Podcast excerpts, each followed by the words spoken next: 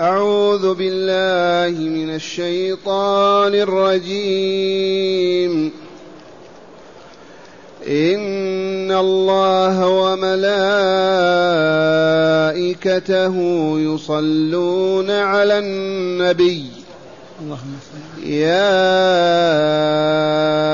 أيها الذين آمنوا صلوا عليه وسلموا تسليما. إن الذين يؤذون الله ورسوله لعنهم الله لعنهم الله في الدنيا والآخرة وأعد لهم عذابا مهينا. والذين يؤذون المؤمنين والمؤمنات بغير ما اكتسبوا فقد احتملوا.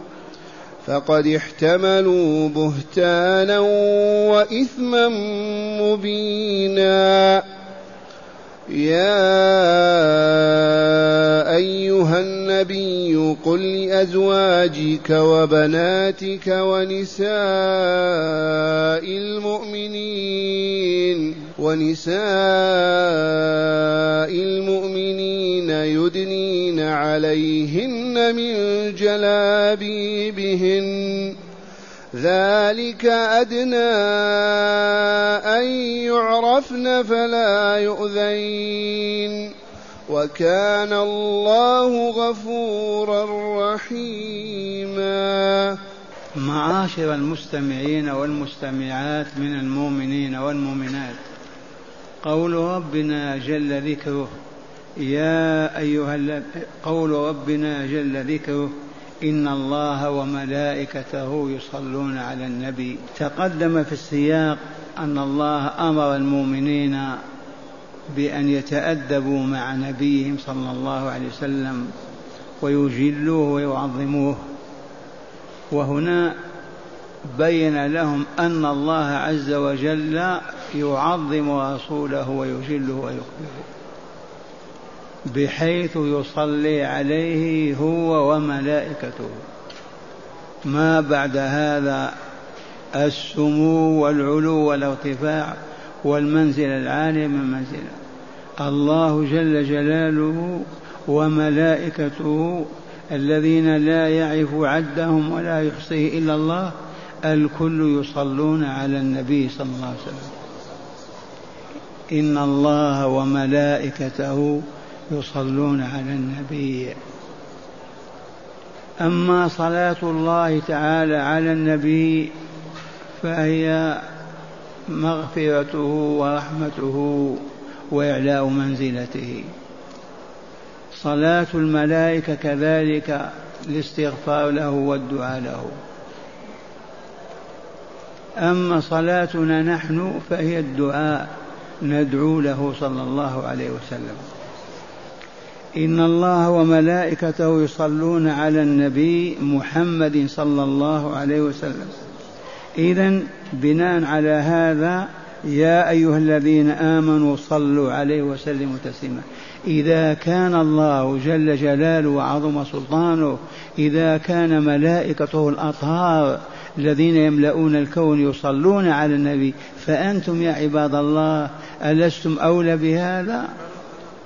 يا أيها الذين آمنوا صلوا عليه وسلموا تسليما.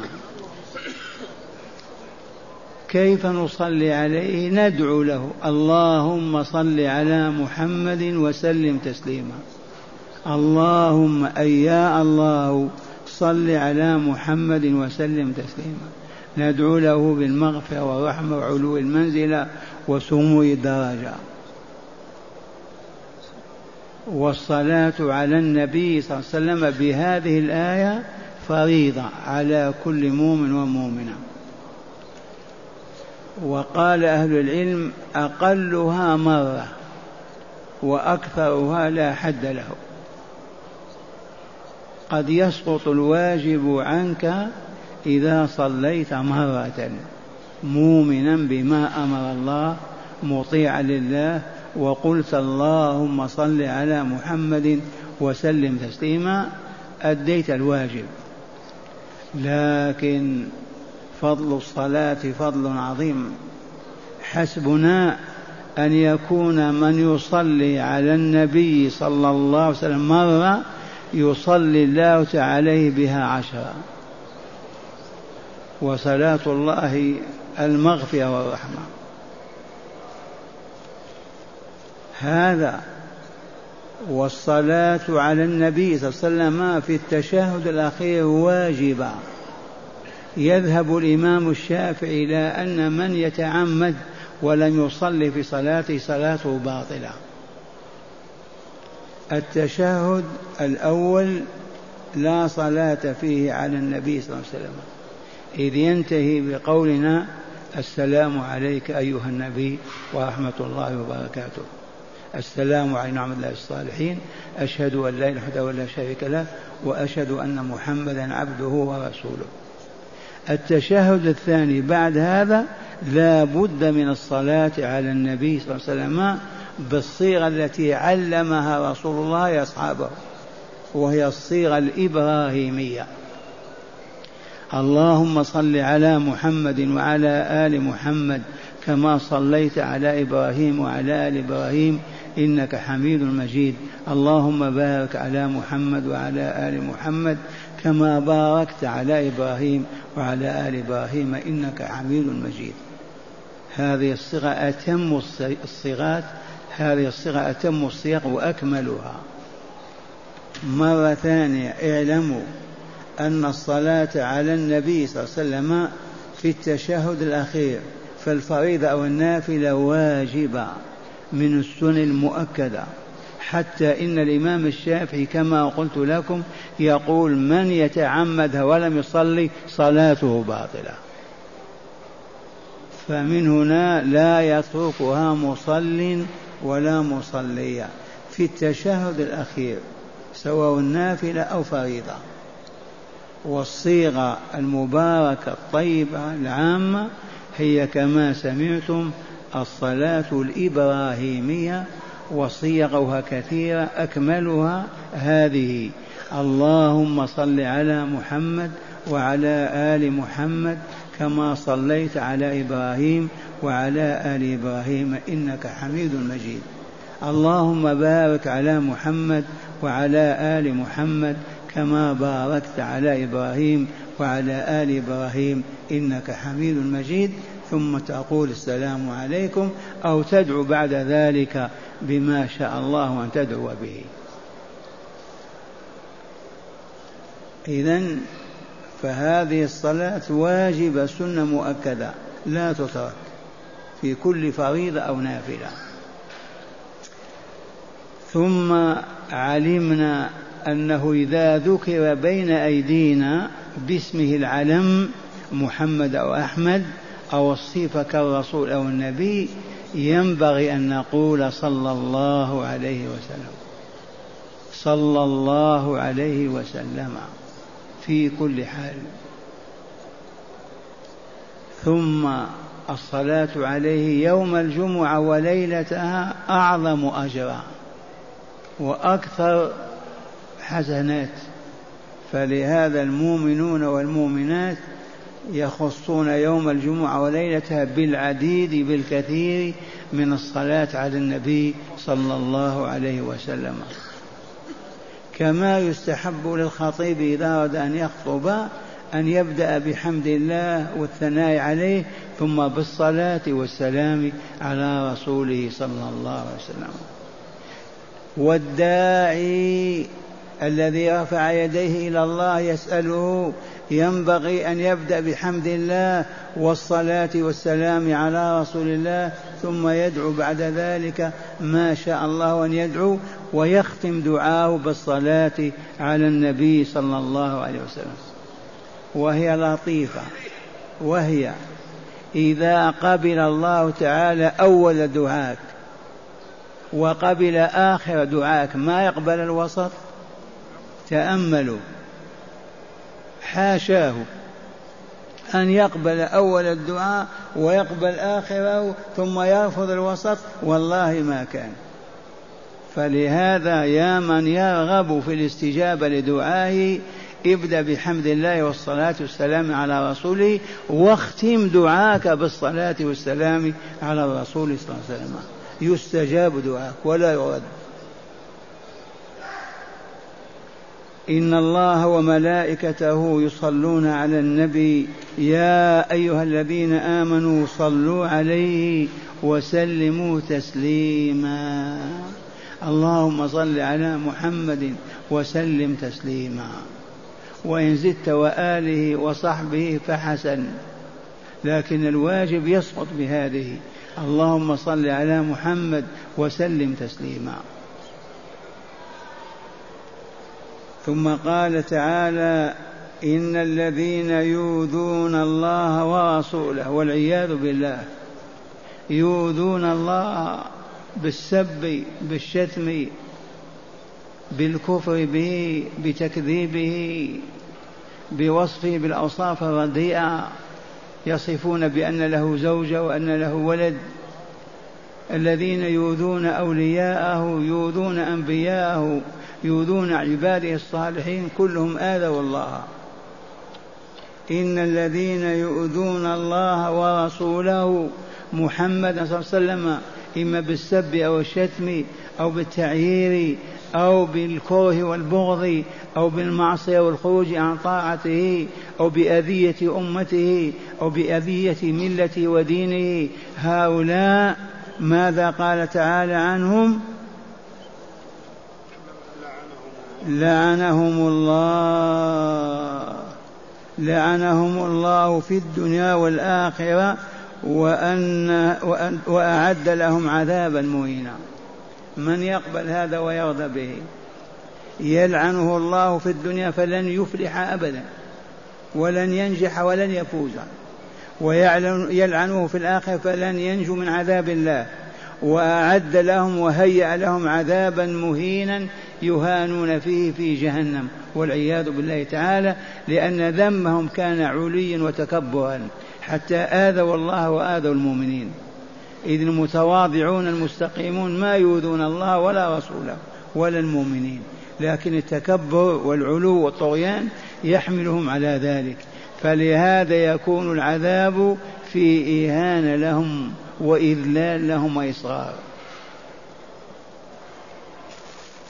والذين يؤذون الله ورسوله إن الذين يؤذون الله ورسوله أولا لعنهم الله ومن لعنه الله وأبعده من رحمته من يرحمه؟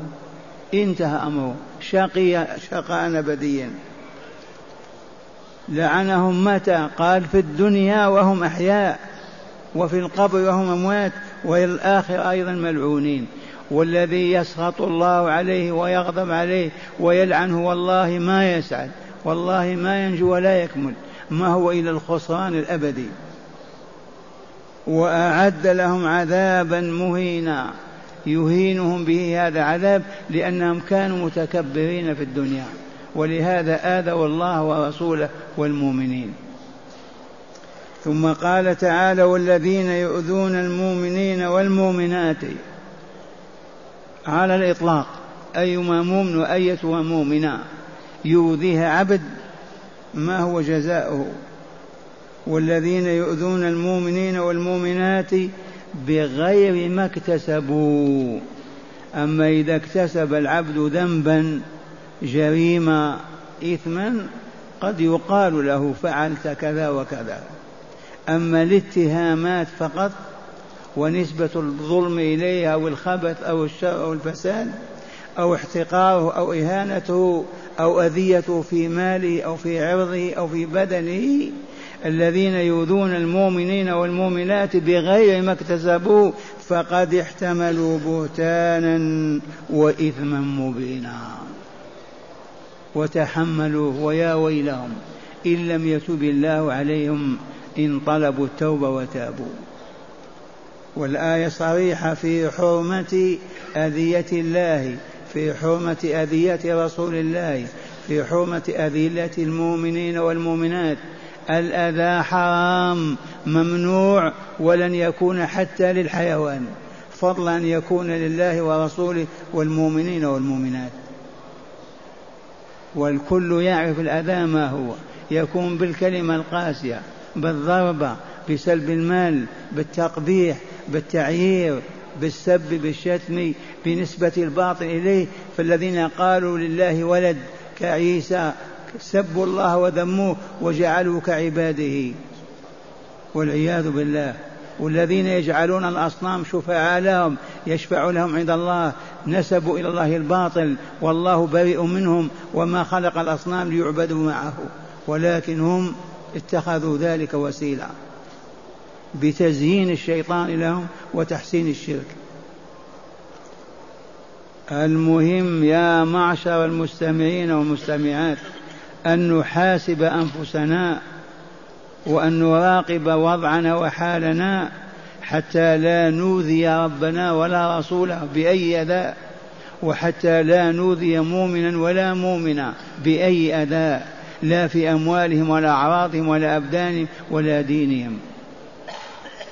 حتى ننجو من هذا العذاب المهين. ثم قال تعالى لرسوله صلى الله عليه وسلم يا أيها النبي قل لأزواجك وبناتك ونساء المؤمنين الآية. قبل نزول هذه الآية بالذات كان نساء المؤمنين يخرجن بالليل لقضاء الحاجة إذ لم يكن في البيوت مراحيض. يخرجن إلى المص إلى المصانع. إذا وكن يخرجن في الليل كاشفات الوجوه. فكان المنافقون من اليهود ومن العرب وهم موجودون بالبلاد يغتنمون الفرصة ويسخرون بالمؤمنة لما تكون ما وجهها مكشوف يظنون أنها آمة ليست حرة. لأن الإيماء لا يسطون وجوههن أبدا خادمة. لكن الحرائر ما يكشفن وجوههن. إذا فأصبح المؤمنات يشتكين لأزواجهن. نلقى في الطريق كذا من يقول كذا ويسخر من كذا. فرفعوا القضية إلى رسول الله صلى الله عليه وسلم فأنزل الله تعالى هذه الآية. يا أيها النبي قل لأزواجك أولا أمهات المؤمنين. قل لأزواجك وبناتك ثانيا. وهي فاطمة الزهراء وأم كلثوم ورقية قبل وفاتهما. قل لأزواجك وبناتك ونساء المؤمنين قل لهن ماذا يدنين عليهن من جلابيبهن. هي مصطوعة بثياب ساترة والجباب كالعباء على رأسها وكتفيها تدنيها فتغطي وجهها. يدنين عليهن من جلابيبهن بأمر الله تعالى. بلغهن وليطعن الله وليفعلن. يسطرن وجوههن فتتميز الحرة من الآمة فالمنافق والمريض القلب إذا رآها مستورة ما يتكلم معها. لكن إذا رأى مكشوفة الوجه يظنها آمة يغازلها ويداعبها هذا العلاج.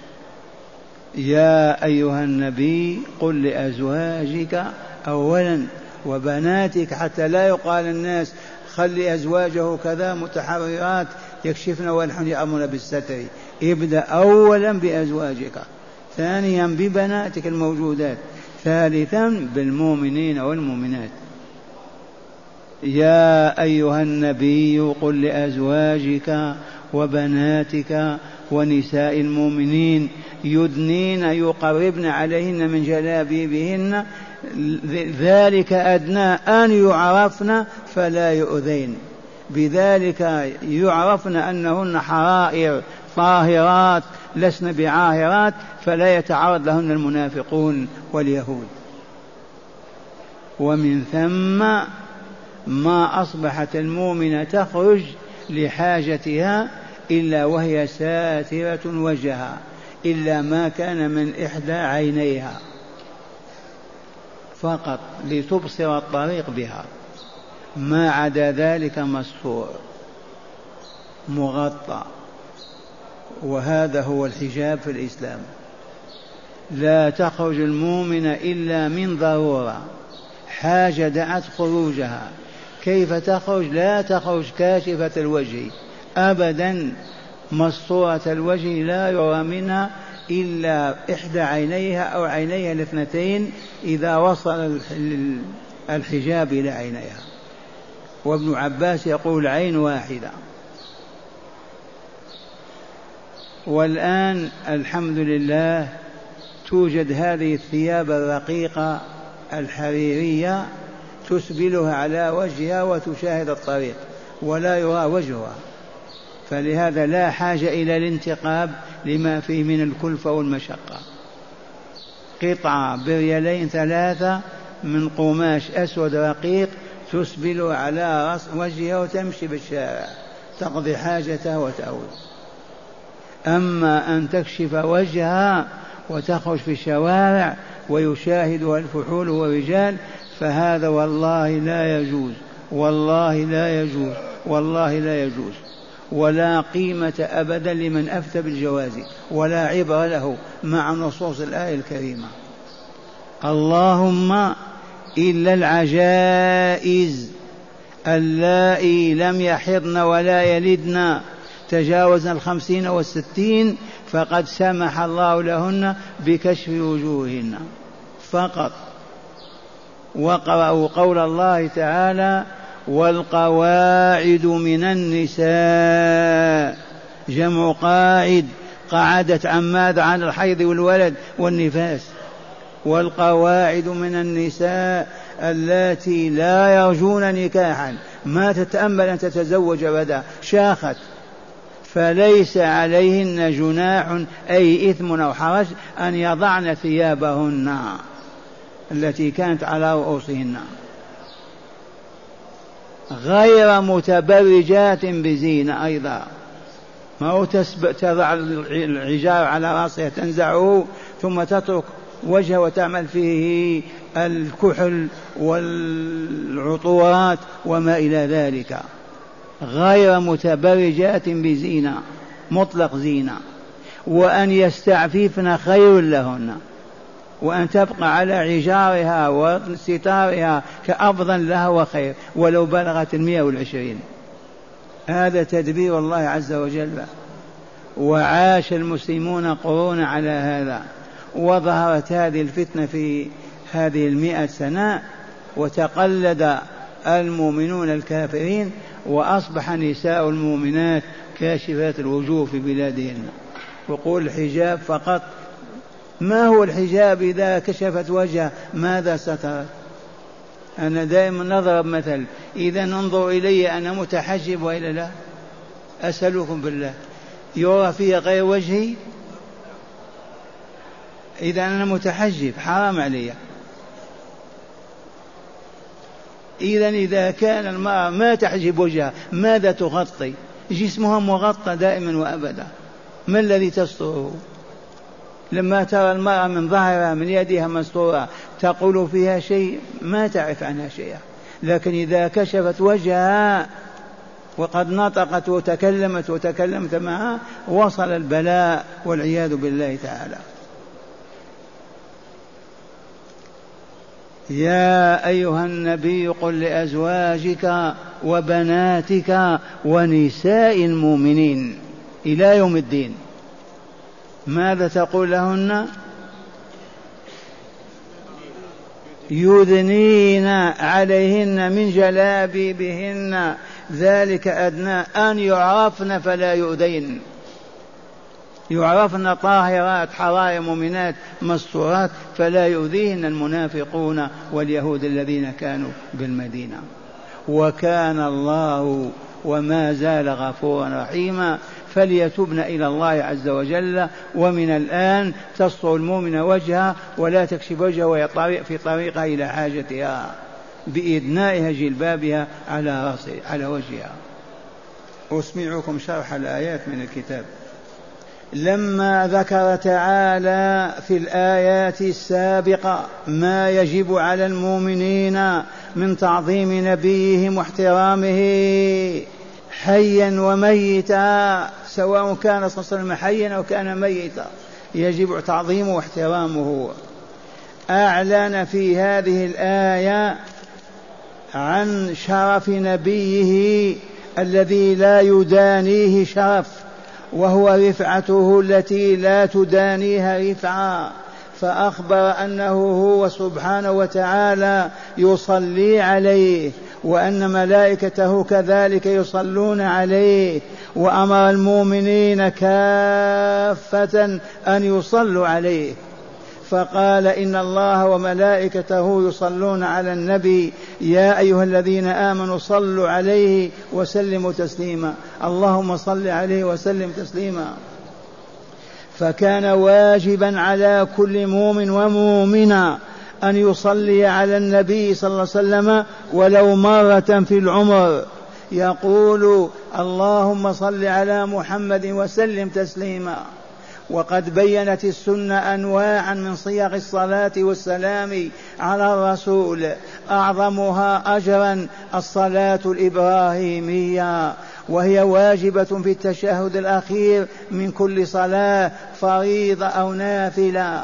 وتستحب استحبابا مؤكدا عند ذكره صلى الله عليه وسلم.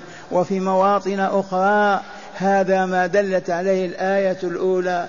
أما الآية الثانية فقد أخبر تعالى عباده أن الذين يؤذون الله بالكذب عليه أو انتقاصه أو بوصفه بالعجز أو نسبة الولد إلى إليه أو الشريك وما إلى ذلك من تصوير الحيوان. هذه لطيفة. تصوير الحيوان مضاد لله عز وجل آذية لله. يا ويل للمصورين. لأن هذه من خصائص الله. ألا له الخلق والأمر. فمن أراد أن يصور كما يصور الله أراد أن ينازع الله في حقه. واذكروا هذا.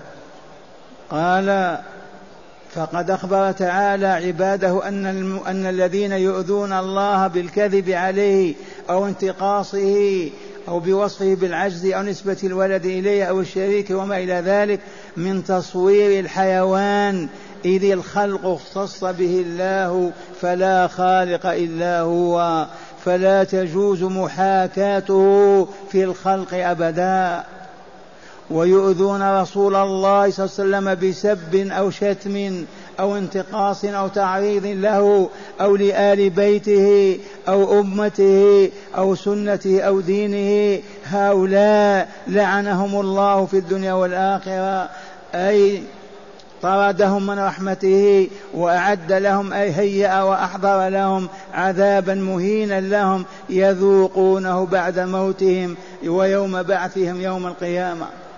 هذا ما دلت عليه الآية الثالث أما الآية الرابعة فإنه لما كان المؤمنات يخرجن بالليل لقضاء الحاجة البشرية إذ لم يكن لهم مراحيض في البيوت وكان بعض سفهاء المنافقين يتعرضون لهن بالغمز والكلمة السفيهة وهم يقصدون وهم يقصدون على عادتهم الإيماء لا الحرائر.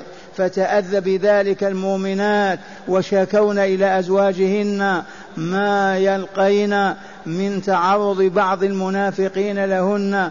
فأنزل الله تعالى هذه الآية.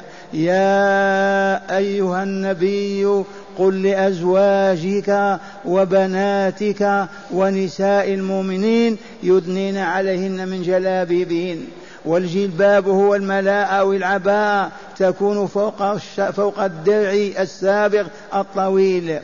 أي مرهن بأن يدنين من طرف الملاءة على الوجه حتى لا يبقى إلا عين واحدة ترى بها الطريق.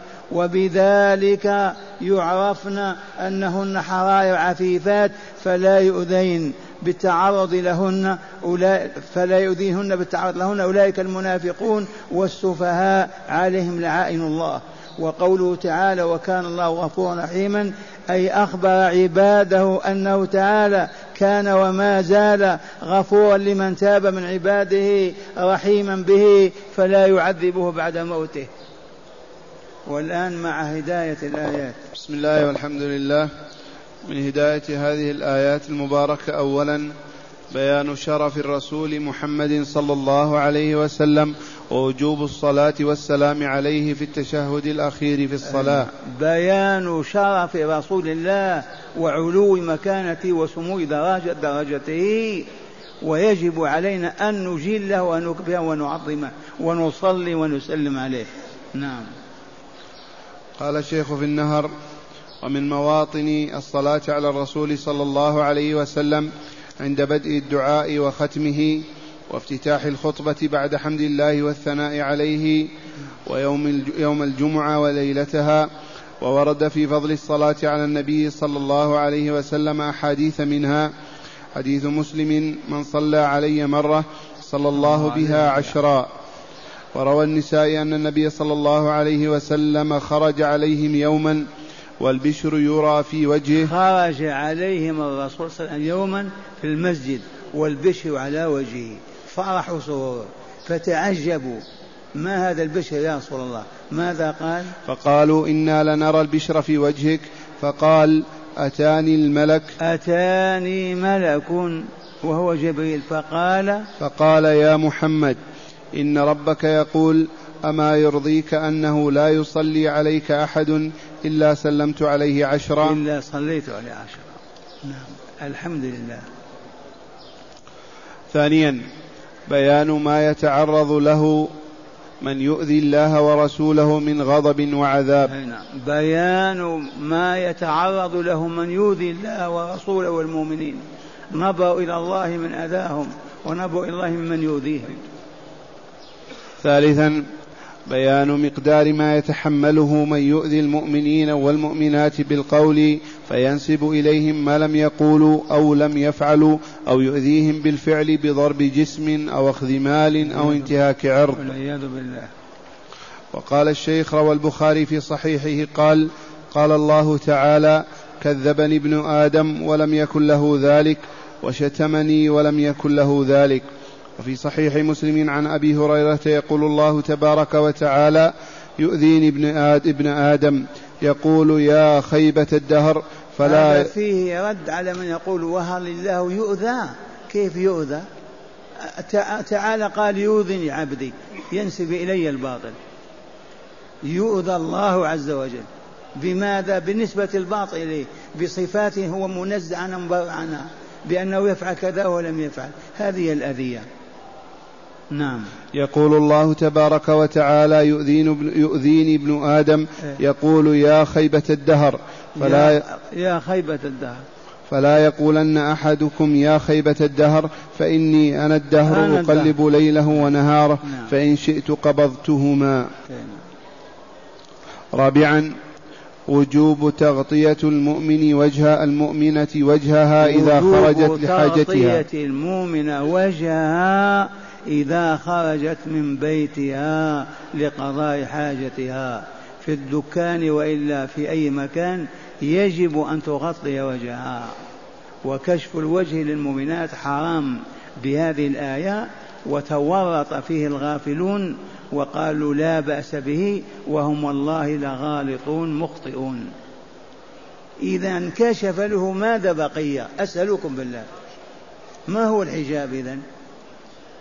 إذا كان تخرج في الشارع كشف عن وجهها لما ندخل البيت ضيوف ولا نزور تتقدم معنا وتجلس معنا وتأكل وتشرب لأنها مكشوفة الوجه. ما هو الحجاب؟